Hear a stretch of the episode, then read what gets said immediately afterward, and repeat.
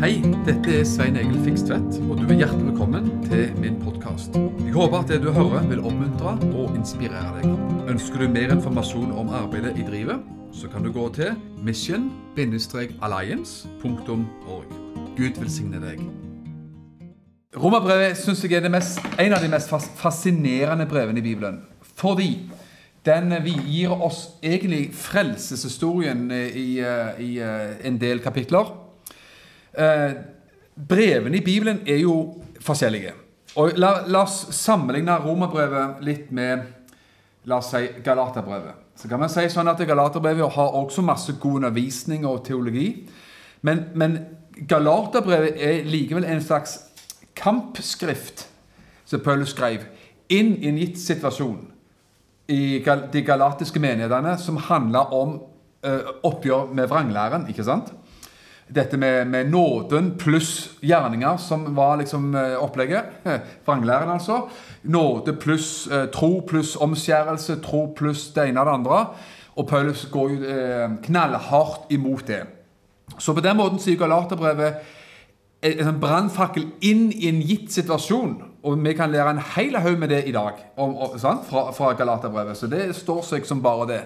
Men likevel så vet vi jo at selve problematikken om omskjærelse finnes jo ikke i 2020 i Norge. Det fantes den gangen, men selve akkurat den problematikken finnes jo ikke. Likevel så er det massevis å lære av Galaterbrevet og alle andre brev i Bibelen. Men Romerbrevet er på en måte, det er ikke noe brev som gir oss hele frelseshistorien fra A til Å, sånn som Romerbrevet. Eh, det er jo 16 kapitler og, og ta egentlig Guds frelseshistorie fra begynnelsen til slutt. Og Derfor er det spennende brev å ta gjennom i sin helhet. Og um, Personlig har jeg lest eh, Romerbrevet mange ganger, selvfølgelig, og gjerne en gang i år eller mer, kanskje. Men, men og alltid grave og alltid eh, liksom vil ha det sånn sterkt inne. For jeg tror det faktisk at hvis du og meg skjønner Romerbrevet, har fått det med oss, så har du fått med grunnvollen for det kristne livet. Og Den forrige, forrige undervisningsserien vi hadde, var jo nettopp det kristne livet. Så dette er jo en slags, kanskje en annen vei og vinkling på det. Som, eh, som har blitt sagt her, så still gjerne spørsmål etter vi har hatt en liten kaffepause om en stund. Så, eh, så er det veldig, veldig fint, altså. La meg gi deg en inndeling om nettopp dette med hvordan romerbrevet kan, kan inndeles. Det kan sikkert inndeles i mange andre måter. Nå har jeg prøvd å dele det inn i fire ganger. Uh, og da håper vi at vi skal klare å holde regien på det, da, sånn at det fungerer. Men den første delen som vi skal ta i dag, det er jo for det første innledningen til Paulus. Hilsen, Hans hilsninger og innledninger. Det er jo uh, enkle ting. Uh, og gjerne vi skal ikke bruke så mye tid på det, for det er høflige i gåseøyne fraser. Det er feil å si fraser, for dette er veldig bra. Men er, han hilser og oppmuntrer dem og i troen og, og, sier mye fint. Og alt det der er bra. Men så går han inn på selve liksom, frelseshistorien og teologien, om du vil. Læren om frelsen og, og hvordan Gud har virka gjennom historien. Og det er jo det vi skal liksom, ta mest på her i dag. Og da er det sånn at vi altså skal gå gjennom innledningen og hans hilsen til menigheten. Og vi skal gå gjennom det som da er hovedanliggende her i kveld, og det er at alle mennesker har synda og står uten ære for Gud. Det er liksom det som vi dveler ved her i kveld. Og det kan jo høres veldig liksom eh, kjedelig ut, eller dystert ut, kanskje. At det, er liksom, det er det du hører om i dag. Om, I dag hører du, skal du høre masse om synd, altså. Det blir sånn skikkelig synd, synd, syndefokus. Og domsfokus, om du vil. Men det er der alt begynner. Det er det som saken. Men det ender Guds lov og takk ikke der. Det ender med frelse og tro på Jesus og livet i ånden osv. Og så, her, her, blir det jo en progresjon og liksom en fremdrift. Da. Så Derfor så må du komme neste gang. Ok, Håper det. Så ikke får du høre på podkast. Og så det vi tar med i dag, altså Du skal høre masse om synd. altså. Synd og, eh, synd og atskillelse fra Gud, og, og, og at alle mennesker står straffeskyldig for Gud. Så beklager at det blir litt sånn deppe, deppemøte her i dag, altså. Den andre gangen, neste gang, da skal vi snakke om rettferdiggjørelsen ved troen på Jesus og eh, det nye livet i Kristus, hvordan det fungerer. Eh, del nummer tre, så sant vi klarer å holde liksom, skjemaet. Så, for jeg ser jo det at det med vi har ikke for mye tid. Så skal vi snakke, Del nummer tre så skal, skal vi snakke om Israel og jødefolket. For Paulus bruker jo tre kapitler på, eh, på det også. Hvor kommer Israel og jødefolket inn i denne hele frelseshistoriske pakken? Det står jo i kapittel 9, 10, 11. Og så til slutt, da, gang nummer fire, så dveler jo Paulus en god del om dette enkle og praktiske kristenlivet i kapittel 12 til 15 og ja, helt til 16, egentlig. da, Så, så har vi liksom de kapitlene i gang nummer fire. Så i dag er det altså eh, nummer eh, eh, Den første delen da, som vi skal ta her. sånn. Høres det greit ut? Ok. Da skal vi jo eh, egentlig bare lese Vi leser noen ord til innledning, og så, eh, så vi får med liksom de hyggelige, fine innledningsordene til Paulus i Jesu navn. Roman 1, altså.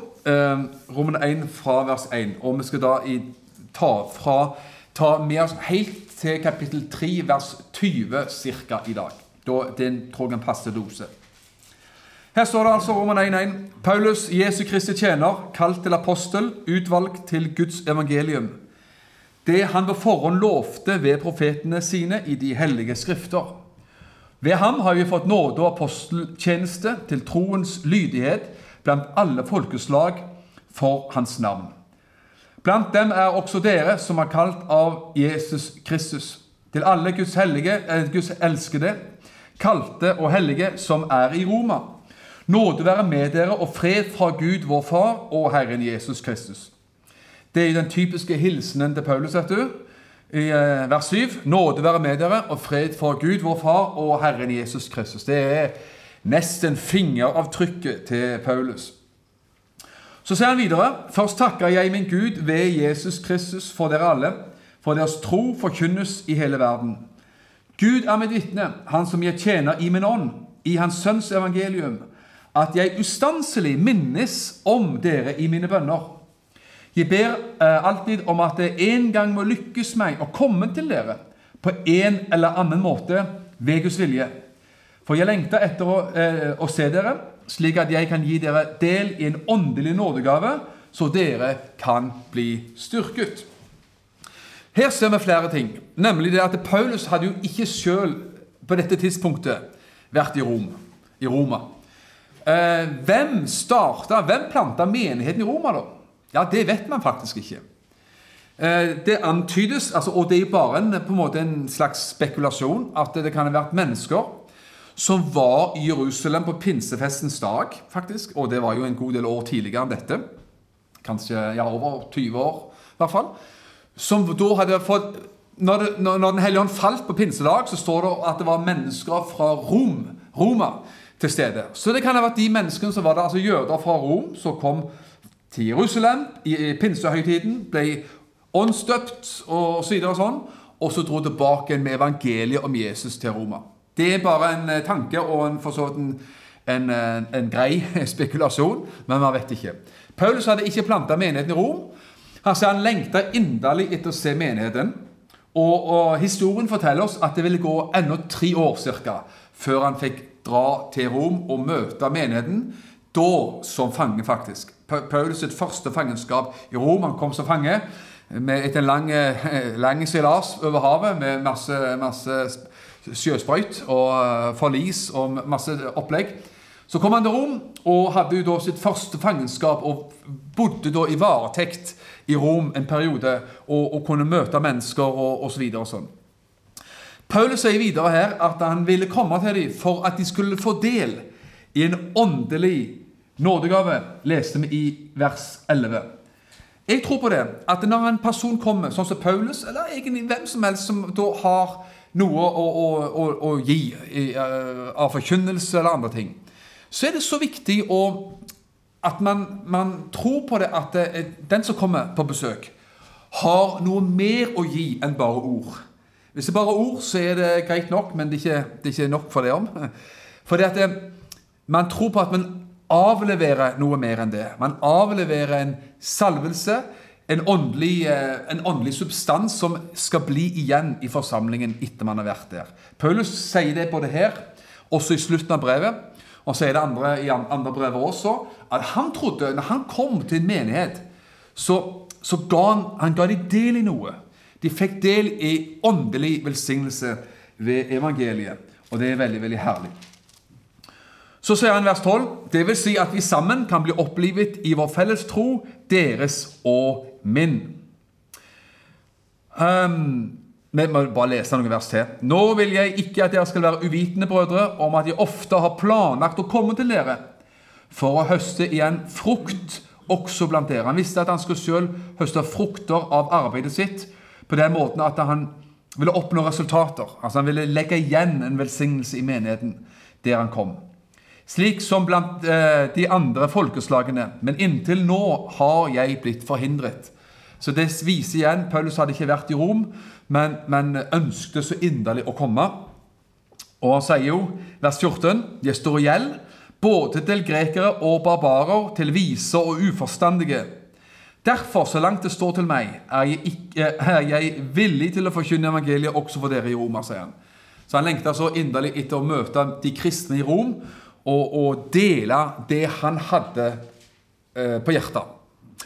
Og kanskje det var sånn, i og med at han så at det drøyde og det drøyde og det drøyde, så skrev han brev i stedet for.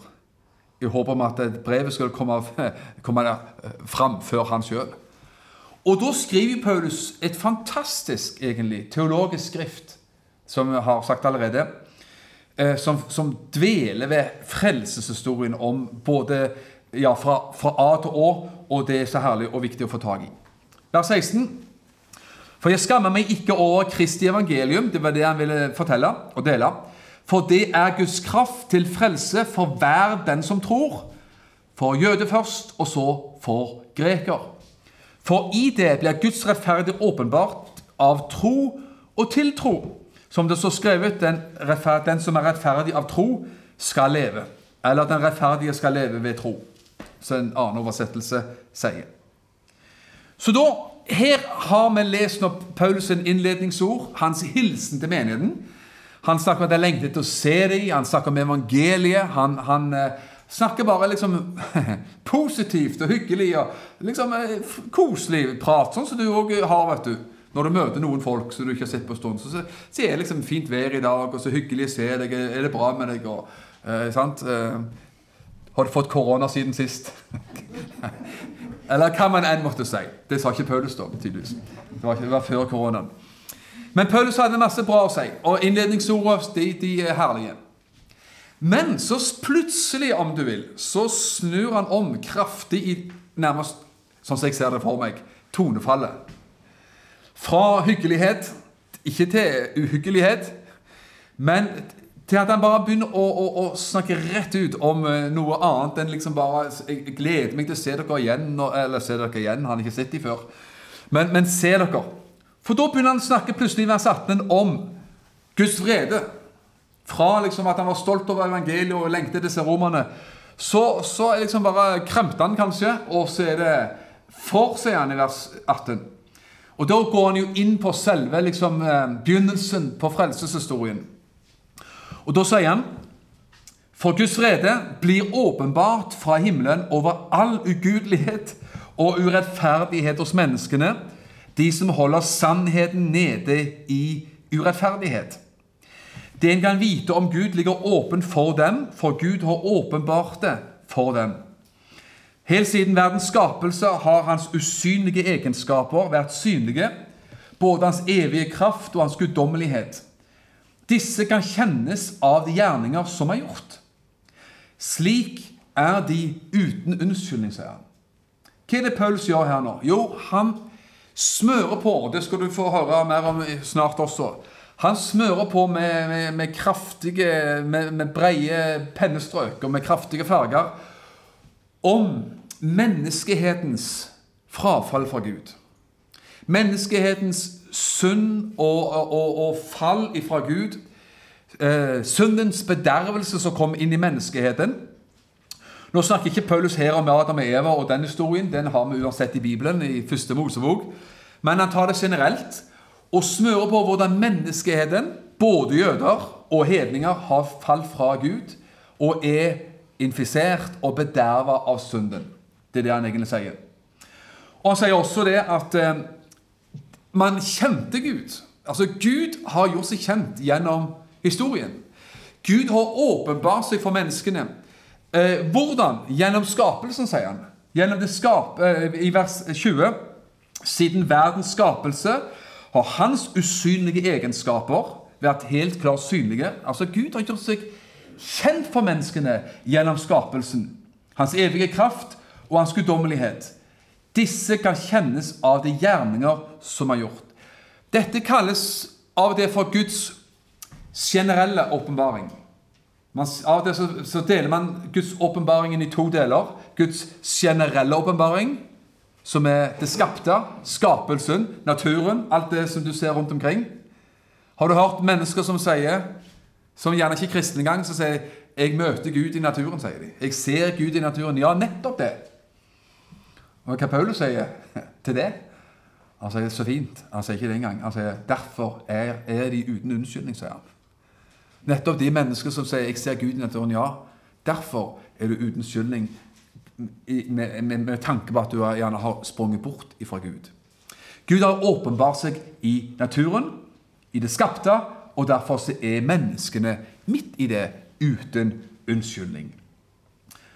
Og så sier han vers 21.: For selv om de kjente Gud, altså kjente Gud gjennom Guds generelle åpenbaring og Guds spesielle åpenbaring er Jesus. Det er klart det er frelsen og korset og Jesus. Det er Guds spesifikke, spesielle åpenbaring. Her snakker han om Guds generelle åpenbaring.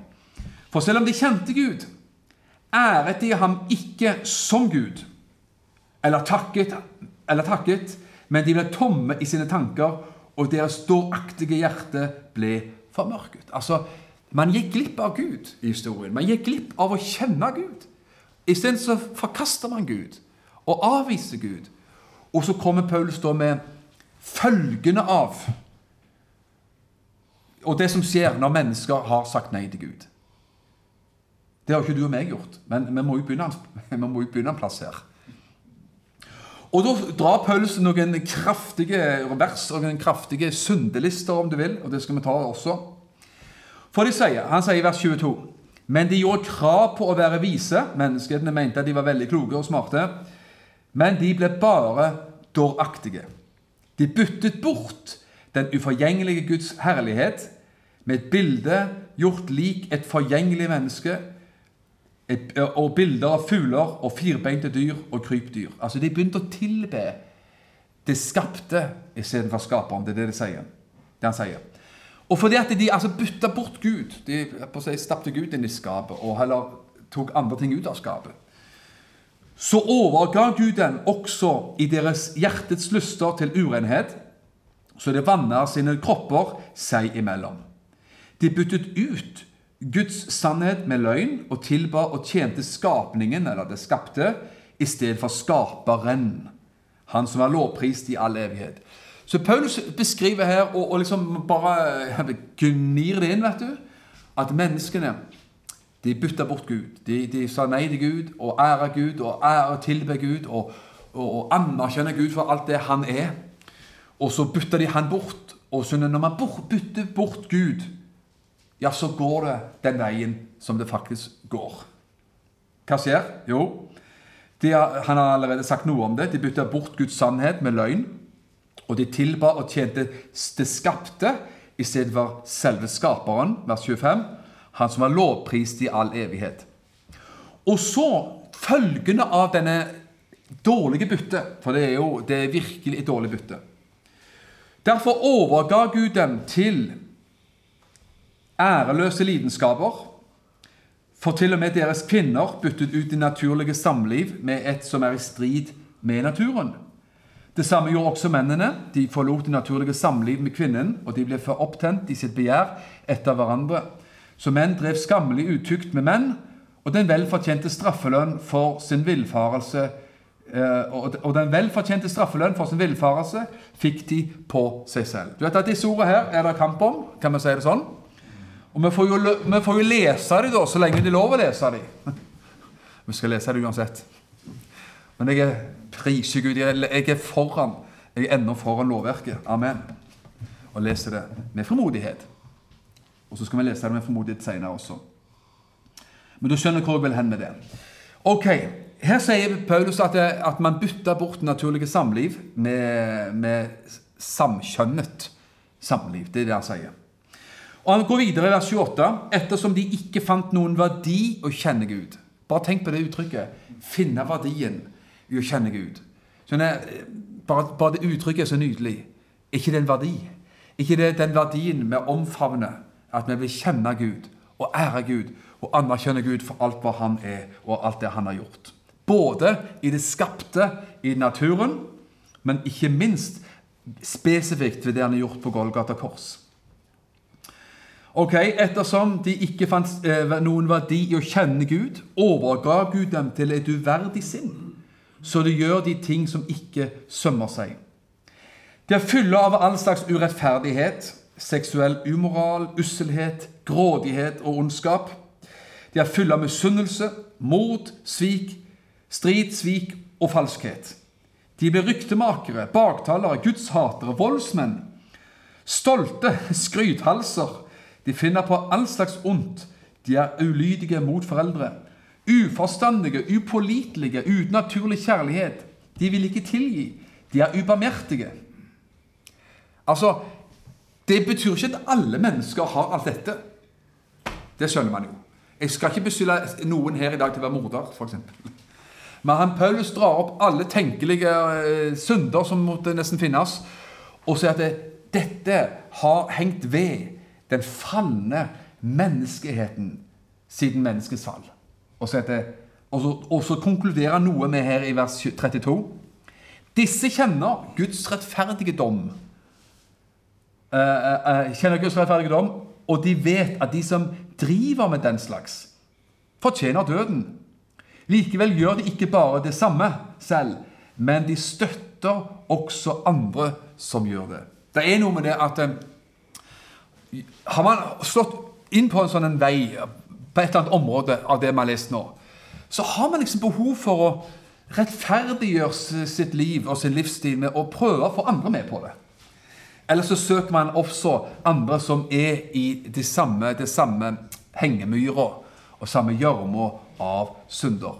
Og Paulus går ikke av veien for å si at Guds rettferdige dom hviler over den slags type synd, all slags type synd, frafall fra Gud, og også mennesker som da har latt seg eh, bederve av synden. Saken er den For her skal vi ikke stå og liksom, eh, liksom eh, skryte av oss sjøl. For det har vi ikke grunn til. For dette er tilstanden til alle mennesker uten Gud. Er du med på det? Dette er tilstand for alle av oss. Selv de som har vokst opp i et kristent hjem, så er det sånn du, så, så er det sånn du ville ha vært hvis du ikke hadde trodd på Jesus. Det er, så, det, det er, noe av dette her du ville hatt på livet ditt om det ikke var for Jesu Kristi nåde og Jesu rensende blod. Så her har Paulus altså igjen tatt opp alt dette som har med syndens bedrager, syndens svik, syndens bedervelse og tar opp hvordan dette faktisk eh, ødelegger for mennesker og herjer mennesker og um, fullstendig altså infiserer mennesker i, i syndens bedrag og syndens elendighet. Ok? Vi skal se mer på dette her. At, eh, og som sagt så blir det akkurat dette et slags lite deppemøte her på akkurat det der. For man, man dveler ved denne greia her sånn. Men hvorfor er dette viktig? Faktisk er disse tingene viktige. Paulus vier ganske mye spalteplass på dette her. Og det er noe kampen står for å få skjønne evangeliet og sette pris på evangeliet, så er det at man ser disse tingene. At man er uten Gud, uten Jesus, uten frelsen, uten korset, så, så er man fullstendig fortapt og har ingen håp om himmel og en evighet både før og siden sammen med Gud. Ok? Og så går da Paulus videre i kapittel 2, og vi skal også ta, selvfølgelig bare spinne videre på kapittel 2. Og det som kapittel 2 da handler om, det er at Paulus da går hen og dømmer de egenrettferdige som dømmer andre for alskens synd, mens de sjøl gjør de samme syndene. Så han, og da, han sikter ganske også mye inn på jødene akkurat her. Han også hedninger, men også jødene, som hadde loven. De hadde jo de ti bud. Og sier jo, og det skal vi heller eh, lese, så jeg ikke tar foregriper alt her Men han sier at eh, pga. at alle da er delaktige i synden, så står alle straffeskyldig framfor Gud. Alle mennesker står straffeskyldig framfor Gud. Enten man regner seg som en hvitsnippersynder eller ikke hvitsnippersynder, om man har eh, oppvokst i god kristen oppdragelse osv. Uten Kristus så er man i akkurat denne kategorien som Paulus har med sterke farger har malt opp for oss her. altså. ok? Så Paulus i kapittel 2 han, altså, han dømmer egen rettferdighet på mennesker som, som, som dømmer andre pga. synder, men som lever i det sjøl. Han sier det holder ikke, sa han. Det, det, det, går ikke. Og han sier altså at alle mennesker da står straffeskyldig framfor Gud med livet sitt. Ok, Da leser vi videre. Det blir jo mye lesing, men vi har jo sagt vi skal lese oss fram omtrent om til kapittel 3, vers 20, når vi leser ett kapittel. Derfor, sier han, kan du ikke unnskyldes, du menneske, hvem du enn er som dømmer. Altså Nå går han til livs mot de som dømmer, tar, tar, tar de i kragen. For i hver sak du dømmer en annen, fordømmer du deg selv. For du, for du som dømmer, gjør de samme ting. Du gjør det samme sjøl, sier han. Vi vet at Guds dom, den som er i samsvar med sannheten, hviler over den som gjør den slags. Altså, Igjen og igjen, spesielt i de første kapitlene her, så snakker Paulus mye om Guds vrede og Guds dom over nettopp alt som er av ugudelighet. Og Den største ugudeligheten er jo at mennesker som er, skal bare repetere at man forkaster Gud. Man bytter bort Gud med noe annet. Og så kom følgene av det i, i denne lange syndelista her som Paulus nevner. Vers 2 eh, sier vi vet at Guds dom, den som er i samsvar med sannheten, hviler over dem som gjør den slags. Regner du med, du menneske, som dømmer dem som gjør slike ting, som, og som selv gjør det samme Når du gjør det samme, sier han, at du skal kunne flykte unna Guds dom, sier han. Altså, du, du, du, kritiserer og dømmer andre for de synd, men du, du, gjør det jo sjøl. Du har jo samme problemene sjøl, sier.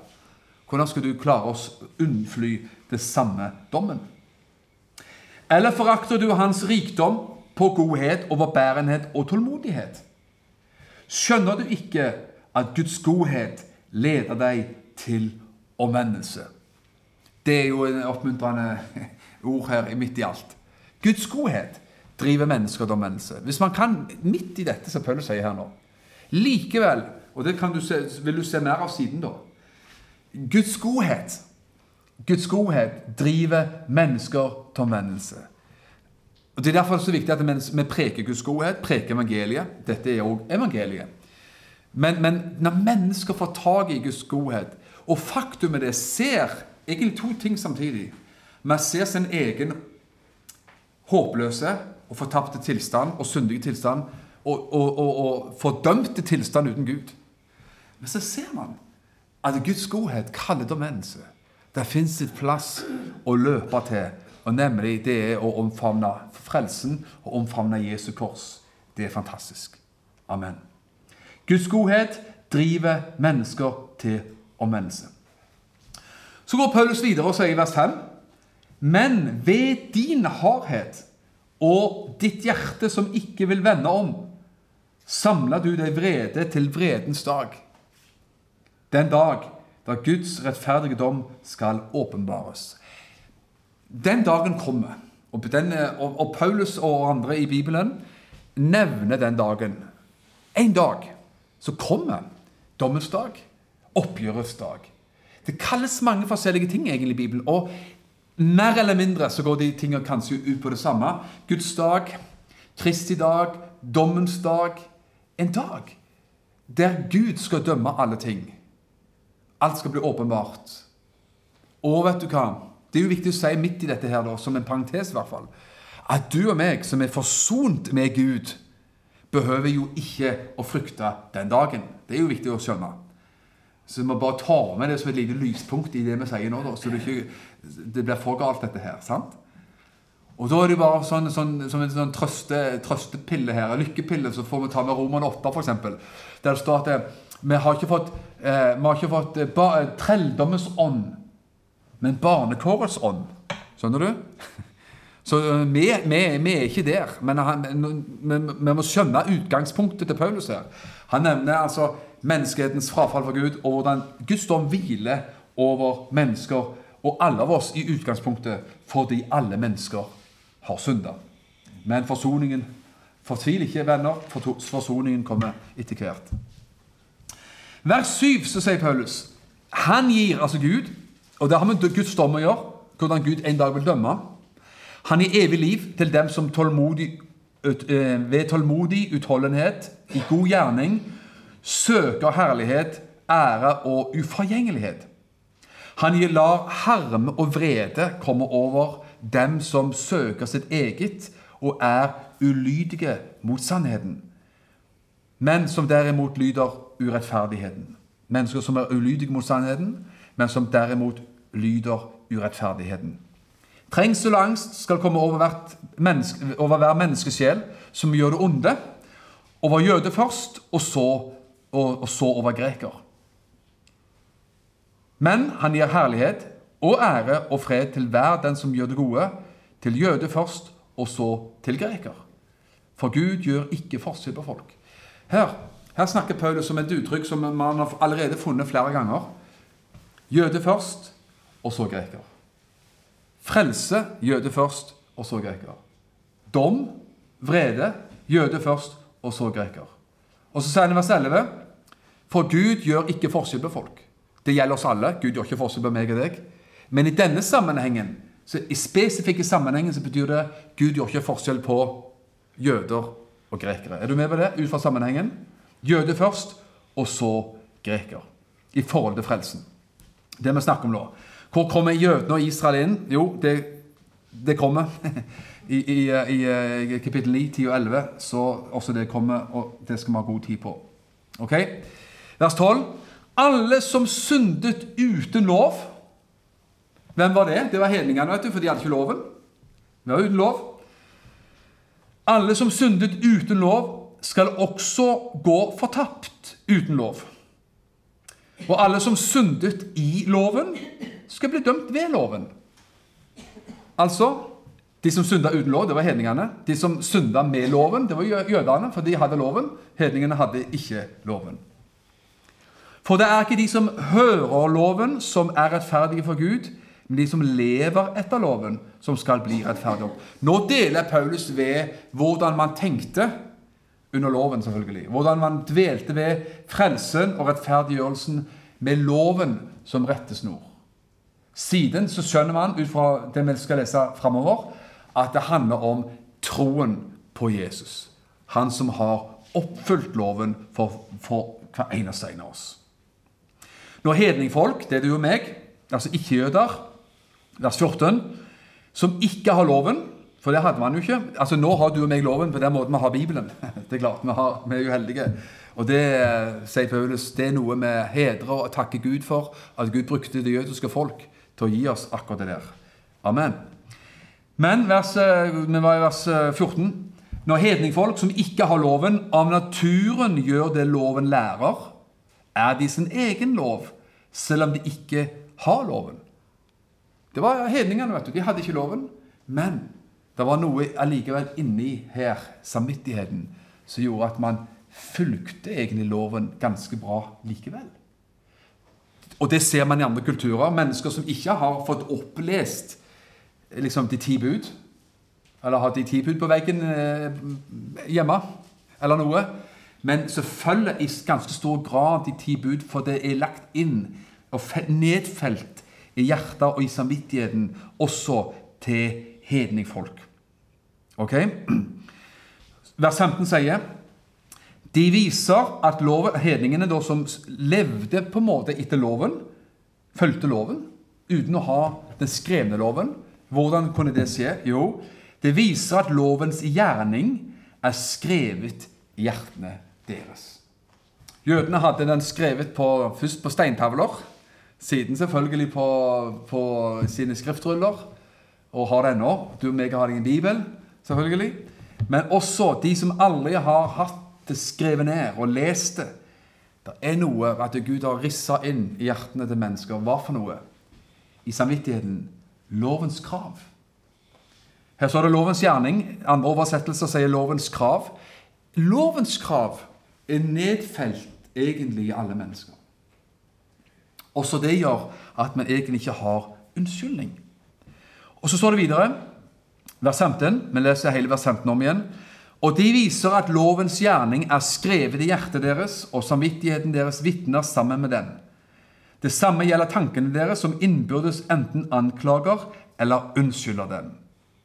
På den dagen da Gud skal dømme det skjulte hos menneskene etter mitt evangelium ved Jesus Kristus. Altså på den dagen, en dag, så skal Gud åpenbare alle ting når Guds dom eh, lyder, og når Guds, og, eh, Guds dom faller eh, for ethvert menneske. Ok? Hva er det Paulus snakker om her? Snakker Paulus her om, om rettferdiggjørelse ved gjerninger? Nei. Han viser egentlig bare at eh, jøder søker rettferdiggjørelse på sin måte ved loven, og de hadde loven. Likevel så klarte de ikke å følge loven. For ingen klarer det. Og Peter sa jo også i Apostelens gjerninger, når de, skulle, når de dvelte ved om hvordan de skulle forkynne evangeliet for hedninger så jeg tror, Hvis jeg husker rett, så var det Paul, nei, Peter som sa det. Hvorfor skal vi legge et åk på disiplenes nakke, sa han. Et åk som ikke mer, no, noen av oss har orket å bære sjøl. Vi har ikke sjøl klart å makte det å bli rettferdig for Gud ved loven. Så hvorfor skal vi da tre loven ned over hedningkristne, som aldri har hatt loven fra før av? Ok, Jeg håper ikke at dette blir for avansert og for, for sånn. Prøv at vi skal kjøre det enkelt. Ok. Vi går videre uansett ok, og, og uh, ser hvordan uh, Gud bare her Paulus, uh, Gud gjennom Paulus dveler ved både jøder og hedninger. Og det han sier, han legger både jøder og hedninger under synden. Alle ligger under synden. Alle ligger, er, er, er, har synda og står uten ære for Gud, enten man er jøde eller hedning. Og så sier han i vers 17, og da tar Paulus, jøden Paulus Da tar han for seg sitt eget folk, sitt eget folkeslag, sine, egen, sine egne landsmenn. Det var noen av de også i Rom. Antagelig også eh, Romermenigheten består av både hedninger og jøder. Antagelig mest hedninger. Bl.a. fordi at, at, jøder var forvist fra Rom på dette tidspunktet. her sånn. Ok, Her står det vers 17. Men du, sa han, som kalles jøde og setter din lit til loven, roser deg, Gud. Det er jo jødene. Og det har man ennå, selvfølgelig.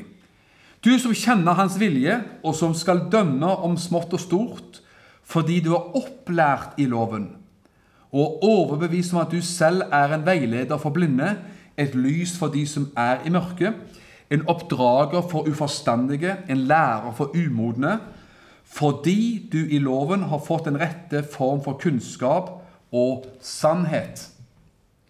Nå beskriver han akkurat sånn som så, så var på en måte jødenes både stolthet, men også privilegium, for de fikk loven, gitt av Gud. Amen. Så, og, og, den loven eh, og de, eh, Gud brukte jødefolket til å gi oss loven, de ti bud. Gud brukte jødefolk til å gi oss også, ikke minst, evangeliet.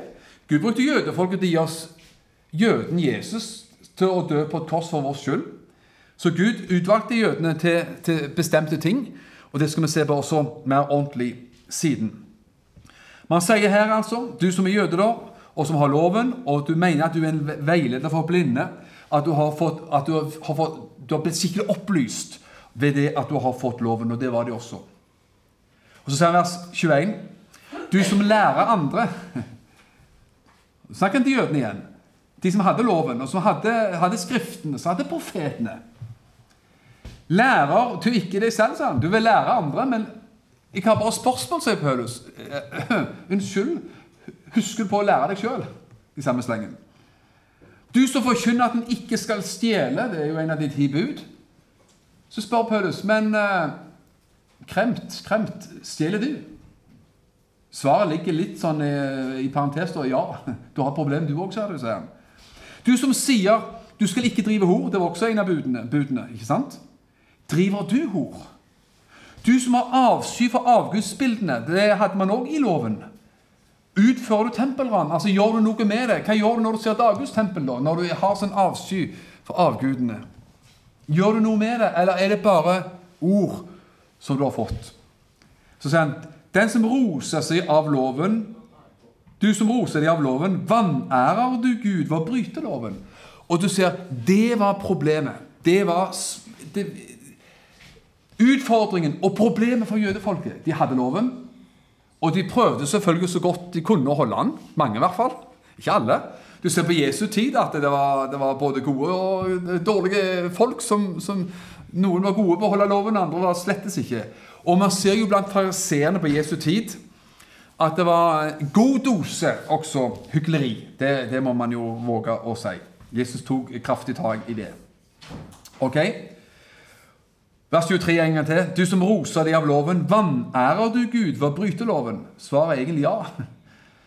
For Guds navn blir spottet blant folkeslagene på grunn av dere, slik det står skrevet, sier.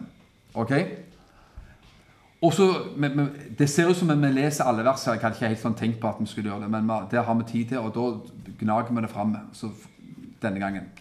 Omskjærelse er jo nyttig, sier han, dersom du holder loven. Igjen så snakker han til jødene. Tar opp deres ting og deres problematikk og deres privilegier. Men er du lovbryter, da er din omskjærelse blitt som om du hadde forhud. Altså, Hvis du er omskåren det var jo jødene. Men du bryter likevel loven. Hva er da vits med omskjærelsen, sier Paulus. Ok? Og hvis en som, eh, en som har Hvis en som har forhud, ja, det er jo en hedning, som ikke, altså ikke er omskåren, holder loven, da, lovens rettferdige krav, må ikke da hans forhud likevel regnes som omskjærelse? Så kan du se hvordan han veier det opp. Hva er best, sier han? å være jøde. Du har loven, og du har omskjærelsen, men du holder ikke loven. Er det bedre, sier han, enn en hedning som, som er ikke omskåren, men som likevel holder loven? Hva er best, sier han. Kan du se hvordan han egentlig hanker inn både jøder og hedninger og bringer dem inn under det faktum at man står straffeskyldig for Gud? Og det vil han. Han vil egentlig avkle begge deler. All egen rettferdighet han, han, lukker alle andre veier til frelse utenom gjennom Jesu kors. Det, det, det er det han driver liksom og dveler ved og, og holder på med. Skal vi se, Hvor er vi nå hen, da? Vers 27. Dersom den som, har, eh, som fysisk har forhud, det er jo en hedning, oppfyller loven, har han ikke da rett til å dømme deg, altså jøden, du som til tross for at du har bokstaven, altså har loven, og omskjærelsen, er en lovbryter. Altså, du har omskjærelsen, og du har loven, men så bryter du loven. Hva så får du til å tro at du er så mye bedre enn hedningene, som, som ikke har omskjærelsen, som likevel klarer å holde loven? Ikke fullt ut, for det gjør ingen. Men som, som klarer liksom å, å, å, humpe av gårde i livet på et brukbart sett. Ok? For det er ikke den som er jøde i det ytre, som er jøde i forhold til frelsen, og det skal vi se på siden. Og omskjærelse er ikke en omskjærelse i det ytre, på kjønnslemmet. Men den er jøde som er det i det skjulte, og som har hjertets omskjærelse, i ånden, ikke i bokstaven. Den har sin ros ikke fra mennesker, men fra Gud.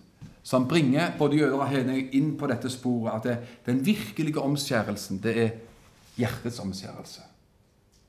Den virkelige jøde, den virkelige Abrahams barn, er den som har Og det ser vi i kapittel 4, er den som har Abrahams tro.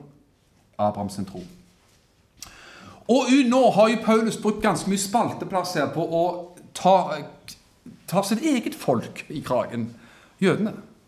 Og, og rister av dem egen rettferdighet, lukker igjen alle frelsesveier ved loven ved å, og ved omskjærelsen osv.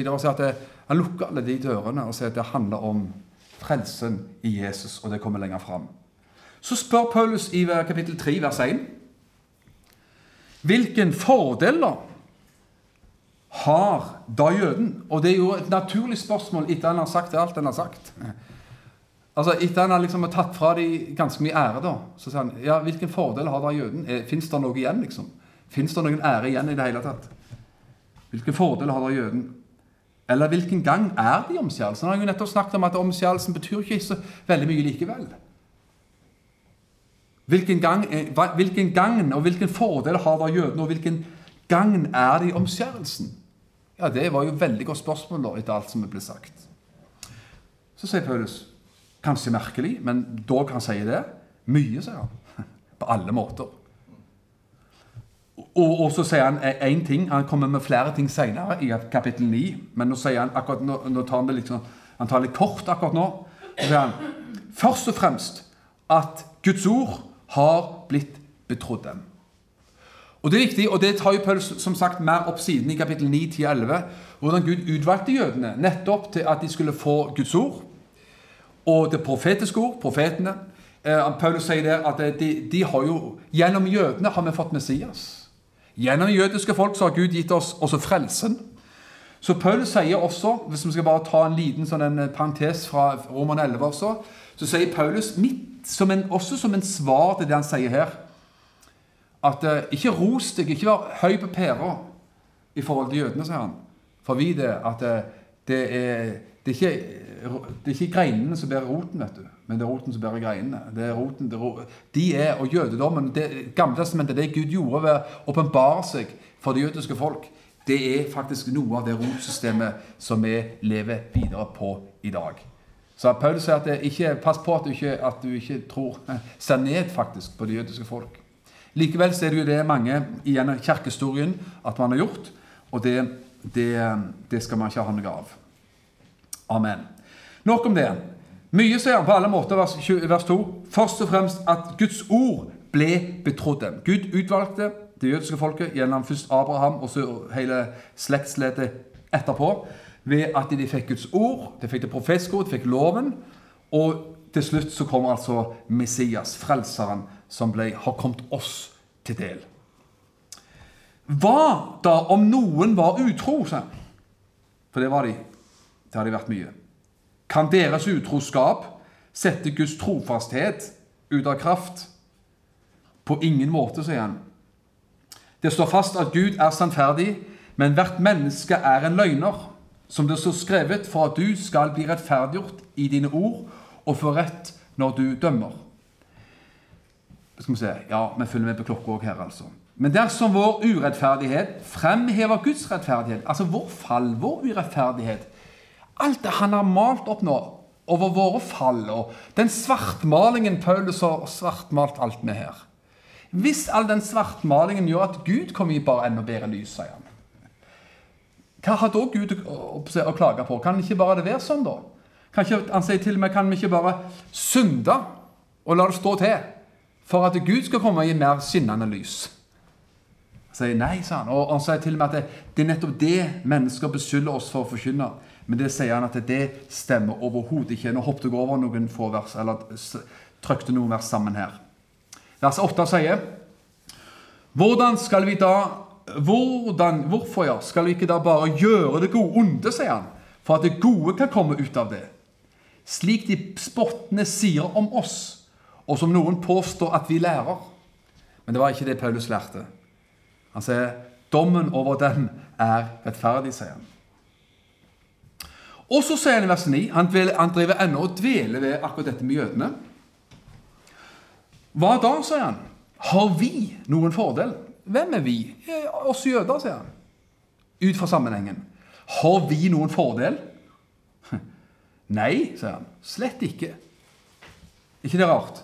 Vers 3, kapittel 3, vers 1 sier at har jødene noen fordel? Ja, sier han. Vers 9 sier han nei. Slett ikke. Vi har jo overfor, eh, ovenfor anklaget både jøder og grekere for at de alle er under synden. Så Det er nesten en av konklusjonene til Paulus. Etter alt det vi har drevet og dvelt nå, nesten vers for vers, så sier Paulus det jeg har holdt på med fram til nå, sier han. Jeg har anklagt både jøder og hedninger at alle sammen er under synd. Ergo omskjærelsen hjelper ikke til frelse. Eh, å holde loven, spesielt når du ikke klarer å holde loven, hjelper ikke til frelse. Så han, han avkler både jøder og hedninger og sier at man står ribba tilbake og har ingen unnskyldning. Og står altså straffeskyldig framfor Gud. Og vet du hva? Det er viktig å skjønne det. At alle er under synd, og alle står altså straffeskyldig framfor Gud. Ok? Og så drar han på videre. Og siden Paulus bruker altså nesten tre kapitler på å, å, å male på, så får jo vi òg gjøre det akkurat i dag. Som det så skrevet, sier han Nå har han anklaget både jøder og hedninger. Der, I vers 10 så sier han det, det er ikke én rettferdig. Nei, ikke en eneste. Da er det ikke mye igjen. Da er det håpløst. Har du hørt at noen mennesker sier, påstår, kanskje liberale teologer sier at alle mennesker er frelst? Jeg har dårlige nyheter. Ingen er frelst, ifølge Paulus. Jeg står forskjell altså på å gå fra at alle er frelst, til at ingen er frelst. Det er ingen som er frelst. Alle er dømt. Alle er under synden. Paulus sier det ikke er en eneste rettferdig. Ikke en eneste. Det er dårlig. Og han drar på enda mer, vet du. Vers 11. Det er ikke én som er forstandig. Det er ikke én som søker Gud. Da skjønner vi at dette er utgangspunktet for den falne menneskeheten. Selvfølgelig. De er alle bøyd av. Alle er de fordervet. Det er ingen som gjør godt. Nei, ikke en eneste. Og han, han, han drar på, som skal ikke bruke mer vers på det, men han, han, han fyrer vår kraftig. altså. Vers 19. Men vi vet at alt det loven sier, taler den, den til dem som er i loven, altså til jødene. For at hver munn skal bli lukket, og han har også inkludert hedningene, forresten. Og for at hele verden skal stå straffeskyldig for Gud. Og hele verden inkluderer deg og meg. Jøder og hedninger, og for den saks skyld menn og kvinner, unge og eldre, svarte og hvite, og hvem man måtte være. Hele verden står straffeskyldig for Gud. Også det er en konklusjon. Skal du få konklusjonene her, for nå begynner vi å lande her. Hmm. Vers 9 er en konklusjon som oppsummerer veldig bra. Han sier vi er ovenfor anklager både jøder og grekere for at de alle er under synden. Og så sier han vers 19 at hele verden skal stå straffeskyldig for Gud. Siden ikke noe menneske blir rettferdiggjort for ham gjennom lovgjerninger, får ved loven komme erkjennelse av synd. Vet du hva? Ved loven kommer erkjennelse av synd. Og det er presis det som Paulus har brukt nå, altså ganske mange vers på å, å, å trykke på med. At eh, vet du hva? Jeg har lyst til å si at heldige, den, heldige er den personen som har syndserkjennelse i livet sitt. Jeg kjenner en person som jeg kjenner godt, som, som um, bodde i Norge mange år. Hun ble, var gift og er gift med en nordmann, men nå bor de i et annet land. Og Hun kom som en ganske ung dame fra et annet europeisk land til Norge og bosatte seg her. og, og um, Gifta seg som sagt med en nordmann fra Sørlandet. Og Hun sa hun kom fra en totalt ikke-kristen bakgrunn fra et land i Europa. Og Hun har fint vitnesbyrd hvordan hun likte et kristne miljø. Kom til en sørlandsbygd i Norge for å fant seg en mann der. Og, og, og likte, det, likte, det, hun fant, og kom til å tro på Gud. Men hun sa Jeg har aldri glemt det, faktisk. Det verste, Den verste bøygen for meg, sa hun, det var å måtte innrømme at jeg var en synder. sa hun.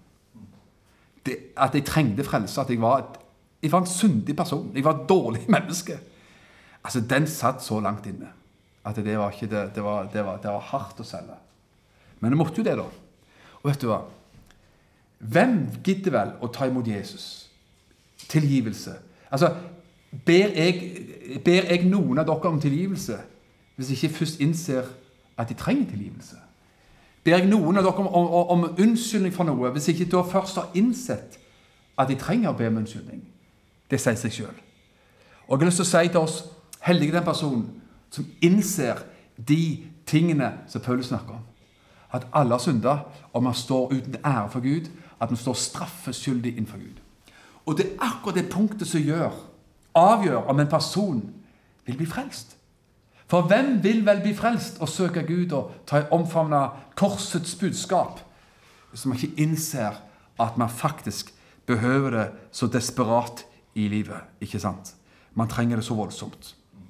Og Jeg har lyst til at vi skal komme inn og se på noen få vers i, i noen andre. Jeg skal se om jeg kan finne det her, hvis jeg ikke skal slå det opp i Bibelen. hvis jeg ikke finner det på skjermen min, men jeg fant de. Jesus er inne på det samme, faktisk. Og da, når både Paulus og Jesus virkelig liksom bare trykker inn dette punktet, så, så skal, man, eh, skal man virkelig eh, ta det til oss. Jesus sa Nå er vi i bergprekenen i Mattes 5. ok? Mattes 5. Og ta noen få vers fra bergprekenen. Altså en liten pause fra romerbrevet. Matteus 5,20. Hva står det der? Jesus sa, han ropte ut til hvem? Til folket.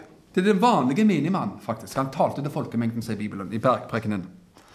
For jeg sier dere at hvis ikke deres rettferdighet langt overgår den til de skriftlærde og fariseerne, skal dere aldri komme inn i himmelens rike, sa Tenk å si det til fiskere ved Genesasjøen. eller hva Ja, det var ved Genesasjøen, når sånt skulle sies. Altså, Til vanlige folk. Hvis ikke deres rettferdighet overgår den religiøse, åndelige og teologiske eliten i Israel, så kommer dere aldri inn til himmelen, sa han. Hvordan går det an? Ja, Det går ikke an. Altså, de Fariseerne var jo eksperter på bønn og faster og granska Skriftene. De hadde en dose hykleri også, da. Hva er det Jesus vil fram til? Han vil fram til noen ting. Det er at din og min rettferdighet i det naturlige, det menneskelige, neppe når opp til fariseernes rettferdighet, for de var dyktige. Og da kommer vi aldri inn i himmelen. Men det er en helt annen side av saken. vet du. Det er sånn dobbelt betydning. Den rettferdighet du og meg har i dag, den overgår med glans den rettferdigheten som fariseerne kom opp med. For det var lovens egen rettferdighet.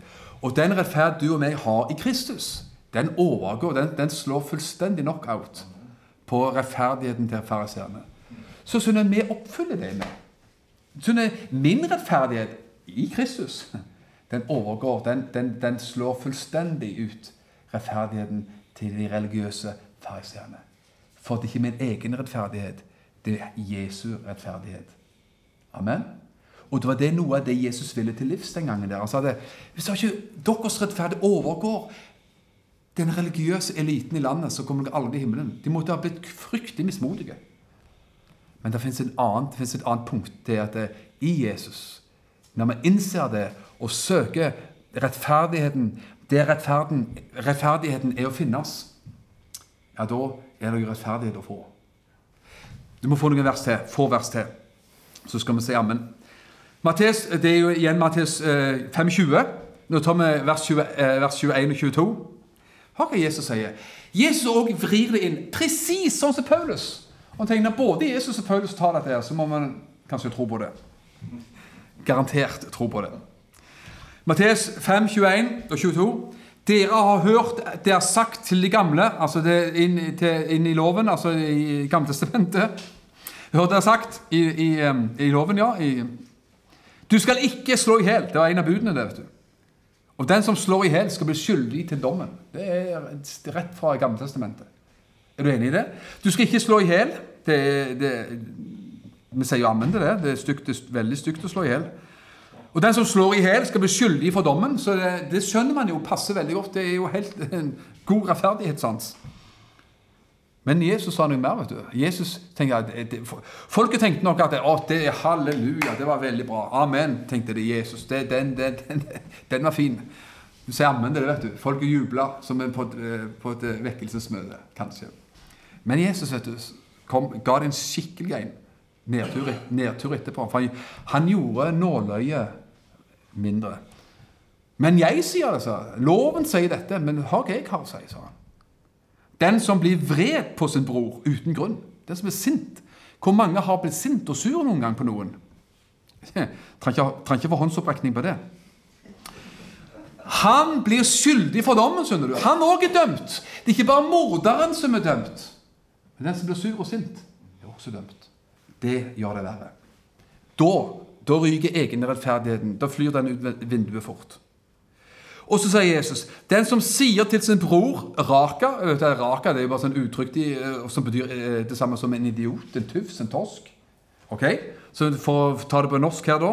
Den som sier til sin bror 'din tosk', idiot, skal bli skyldig for rådet. Og den som sier 'din dåre' Det er òg et dåre. Du sier ikke ordet 'dåre' i hverdagslige tale. Det er igjen er tufs, din tosk og sånn. Er idiot. Og den som sier det er en idiot, skal bli skyldig til helvete selv, sa Jesus. Så, så Det første verset sa Jesus den som slår i hjel, den som myrder, den skal bli tatt, dratt for dommen. Alle sier ammen til det, vet du, for ingen har myrda noen her. Men hvor mange har sagt en tosk, en tufs, en dåre? Blitt sint på noen? Blitt sur på noen? Ja, da er vi jo alle skyldige, da. Og det er nettopp det Gud vil. Kan du se det? Gud legger lista så høyt at ingen kommer over lista utenom Jesus, som gjorde det. Og det er nettopp det han vil. Han vil bringe oss til korset. Han vil bringe oss til, dit, til det punktet der vi sier Gud, lista er for høy. Jeg kommer aldri over. Jeg gir opp. Jeg kommer aldri over den lista. Herre, du må være den verste, håper jeg. Den største perfeksjonisten som finnes. Ja, ikke bare at du er perfeksjonist, du er faktisk perfekt. Du er faktisk fullkommen. Men jeg er jo ikke fullkommen. Hvordan kan det ufullkomne mennesket nå fram til den fullkomne Gud? Det er det Jesus snakker om, og det er det romerbrevet snakker om. Romerbrevet snakker om hvordan kan, hvordan kan Gud være rettferdig når han finner på det rare kunststykket og rettferdiggjør et urettferdig menneske. Hvordan kan Gud være rettferdig når han finner på å rettferdiggjøre et menneske som er urettferdig? Det er bare evangeliet og korset som kan gjøre det. Og Du må få med til slutt her Matteus 5, 48. Igjen Matteus 5, da, men, men vers 48. Og Her er det konklusjonen til Jesus, som egentlig er så lik konklusjonen til Paulus. For Jesus sa, etter han har dratt alle disse herrene, så sier han hva han sier, Han firer ikke, vet du. Han legger lista der. Hva han sier. Derfor skal dere være fullkomne, slik som deres far i himmelen er fullkommen. Hva er det Jesus sa? Her har du konklusjonen. Her sier Jesus dette er det vi vil fram til. Dere skal være fullkomne, like som en far er fullkommen. Ja, men det er jo umulig. Nettopp det. Det er mulig. Nettopp det. Det er mulig. Og det er derfor vi trenger noe annet fullkomment. Et fullkomment offer. Et fullkomment offer. Og Derfor står det i Hebreerne 7, 25 Her har vi sett at det er Jesus og Faderen forlanger fullkommenhet. Men den kan ikke vi komme opp med, for vi er ufullkomne. Og Derfor så trenger vi et fullkomment offer. Og Det står i Hebreerne 7, 25 Derfor har han også makt til fullkomment å frelse dem som kommer til Gud ved ham. Så skjønner, Gud krever fullkommenhet, men ufullkomne mennesker kan alle komme med noe annet enn det som er ufullkomment. Men derfor så trengte vi en fullkommen frelse. En fullkomment offer i Jesus Kristus. Vet du hva? Vi trenger å skjønne evangeliet. Og igjen og igjen, og det forundrer meg ofte. Nå skal jeg faktisk lande fort her. nå, jeg holdt på lenge. Det forundrer meg. Og det er det som man ser når et menneske har kommet dit med livet sitt. Man innser jeg trenger frelsen. Jeg har kommet til veis ende med alle mine egne forsøk. Alle mine bortforklaringer, alle mine eh, forsøk på å finne på forbedringer eller finne alternative frelsesveier. Og så kommer man til kort med livet sitt og sier jeg møter veggen. Jeg, har, jeg har skalla hodet så mye i veggen på alle mine egne forsøk. Og nå prøver jeg bare det som fins igjen, nemlig Og dessverre ser man ofte sånn. Man prøver korset til slutt. Og så opplever man opplever man det at der fungerte det. Og så ser man mennesker som kommer dit hen med livet sitt. De blir ofte radikalt frelst. Ikke bare ofte, de blir radikalt frelst hvis de tar imot Jesus. Og så ser du at det, det skjer en forandring fordi man innså sannheten To sannheter. Sannheten om seg sjøl. Det er det Paulus har lært oss her i dag. Sannheten om oss sjøl det at du står straffeskyldig innenfor Gud. Det er sannheten om deg og meg. Men også en annen sannhet som ikke har rekt å ta så veldig mye av. Det er sannheten om frelsen. Sannheten om Jesus. Sannheten om korset, som kommer neste gang. Snipp, snapp, snude, så var undervisningen ute. Amen. Takk for at du har lytta til denne podkasten. Jeg ønsker deg en velsigna god dag.